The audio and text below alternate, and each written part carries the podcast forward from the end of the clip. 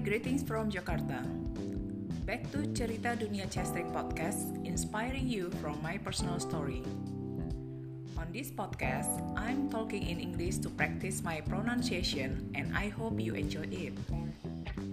Let's talk about public speaking experience episode 1 Control Your Nervousness.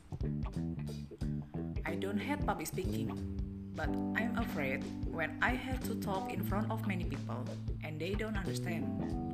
What I feel is my nervousness almost kills me.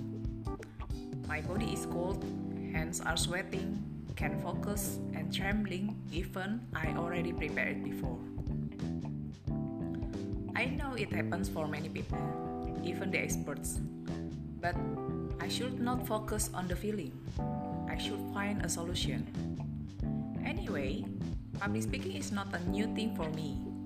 Since I was in senior high school, in Bahasa Indonesia class, I have been a moderator for practice about public speaking.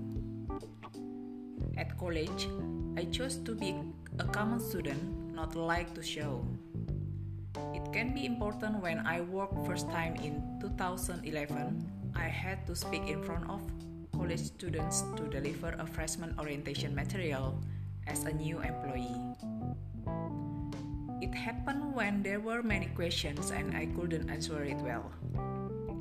Fortunately, I had seniors who helped me answer the questions. So, that's the first solution is to find someone as your mentor. It could be your friend, colleagues, workmates, or experts in public speaking to get their feedback I didn't say after my first speech I was good. After that, I had many classes to deliver the same material and I got feedback from my students.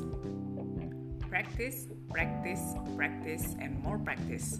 My nervousness has been controlled and I find my delivery style which I comfort to use.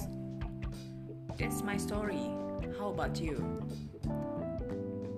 Thanks for listening and see you in the next episode.